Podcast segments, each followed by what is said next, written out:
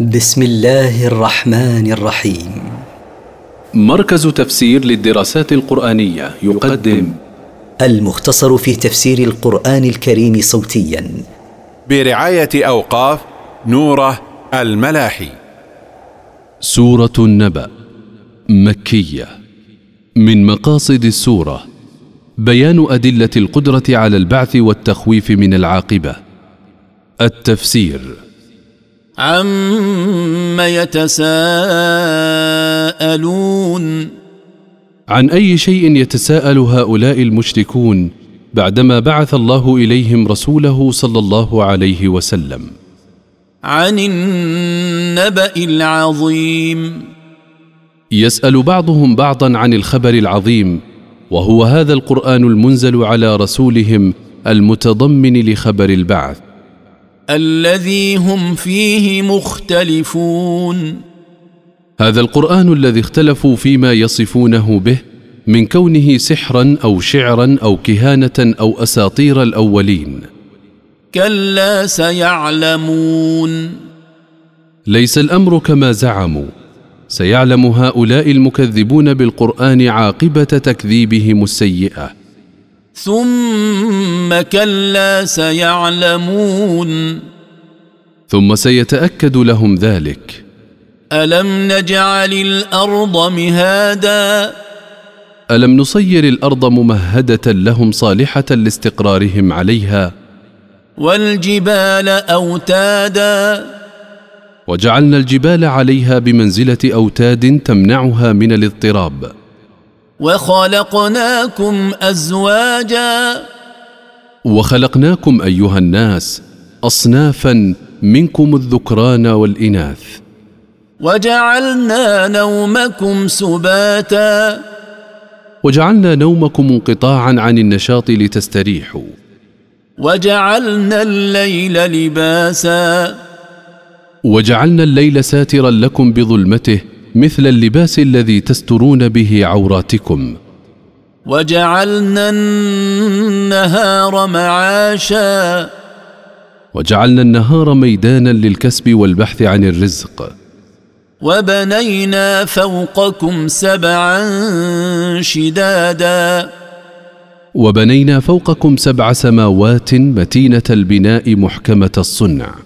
وجعلنا سراجا وهاجا. وصيرنا الشمس مصباحا شديد الاتقاد والإنارة. وأنزلنا من المعصرات ماء ثجاجا. وأنزلنا من السحب التي حان لها أن تمطر ماء كثير الانصباب. لنخرج به حبا ونباتا. لنخرج به أصناف الحب وأصناف النبات. وجنات ألفافا. ونخرج به بساتين ملتفة من كثرة تداخل أغصان أشجارها. ولما ذكر الله هذه النعم الدالة على قدرته أتبعها بذكر البعث والقيامة. لأن القادر على خلق هذه النعم قادر على بعث الموتى وحسابهم. فقال إن يوم الفصل كان ميقاتا. إن يوم الفصل بين الخلائق كان موعدا محددا بوقت لا يتخلف. يوم ينفخ في الصور فتأتون أفواجا. يوم ينفخ الملك في القرن النفخة الثانية فتأتون أيها الناس جماعات جماعات. وفتحت السماء فكانت أبوابا. وفتحت السماء فصار لها فروج مثل الأبواب المفتحة. وسيرت الجبال فكانت سرابا. وجعلت الجبال تسير حتى تتحول هباء منثورا فتصير مثل السراب. إن جهنم كانت مرصادا. إن جهنم كانت راصدة مرتقبة. للطاغين مآبا. للظالمين مرجعا يرجعون إليه. لابثين فيها أحقابا. ماكثين فيها أزمنة ودهورا لا نهاية له. لا يذوقون فيها بردا ولا شرابا. لا يذوقون فيها هواء باردا يبرد حر السعير عنهم ولا يذوقون فيها شرابا يتلذذ به. إلا حميما وغساقا. لا يذوقون إلا ماء شديد الحرارة وما يسيل من صديد أهل النار. جزاء وفاقا. جزاء موافقا لما كانوا عليه من الكفر والضلال. إنهم كانوا لا يرجون حسابا. إنهم كانوا في الدنيا لا يخافون محاسبة الله إياهم في الآخرة لأنهم لا يؤمنون بالبعث فلو كانوا يخافون البعث لآمنوا بالله وعملوا صالحا. وكذبوا بآياتنا كذابا. وكذبوا بآياتنا المنزلة على رسولنا تكذيبا. وكل شيء أحصيناه كتابا. وكل شيء من أعمالهم ضبطناه وعددناه وهو مكتوب في صحائف أعمالهم. فذوقوا فلن نزيدكم إلا عذابا. فذوقوا أيها الطغاة هذا العذاب الدائم فلن نزيدكم إلا عذابا على عذابكم. إن للمتقين مفازا. إن للمتقين ربهم بامتثال أوامره واجتناب نواهيه مكان فوز يفوزون فيه بمطلوبهم وهو الجنة. حدائق وأعنابا. بساتين وأعنابا. وكواعب أترابا. وناهدات مستويات السن. وكأسا دهاقا. وكأس خمر ملأى لا يسمعون فيها لغوا ولا كذابا.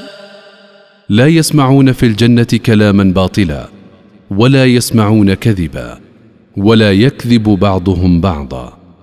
جزاء من ربك عطاء حسابا.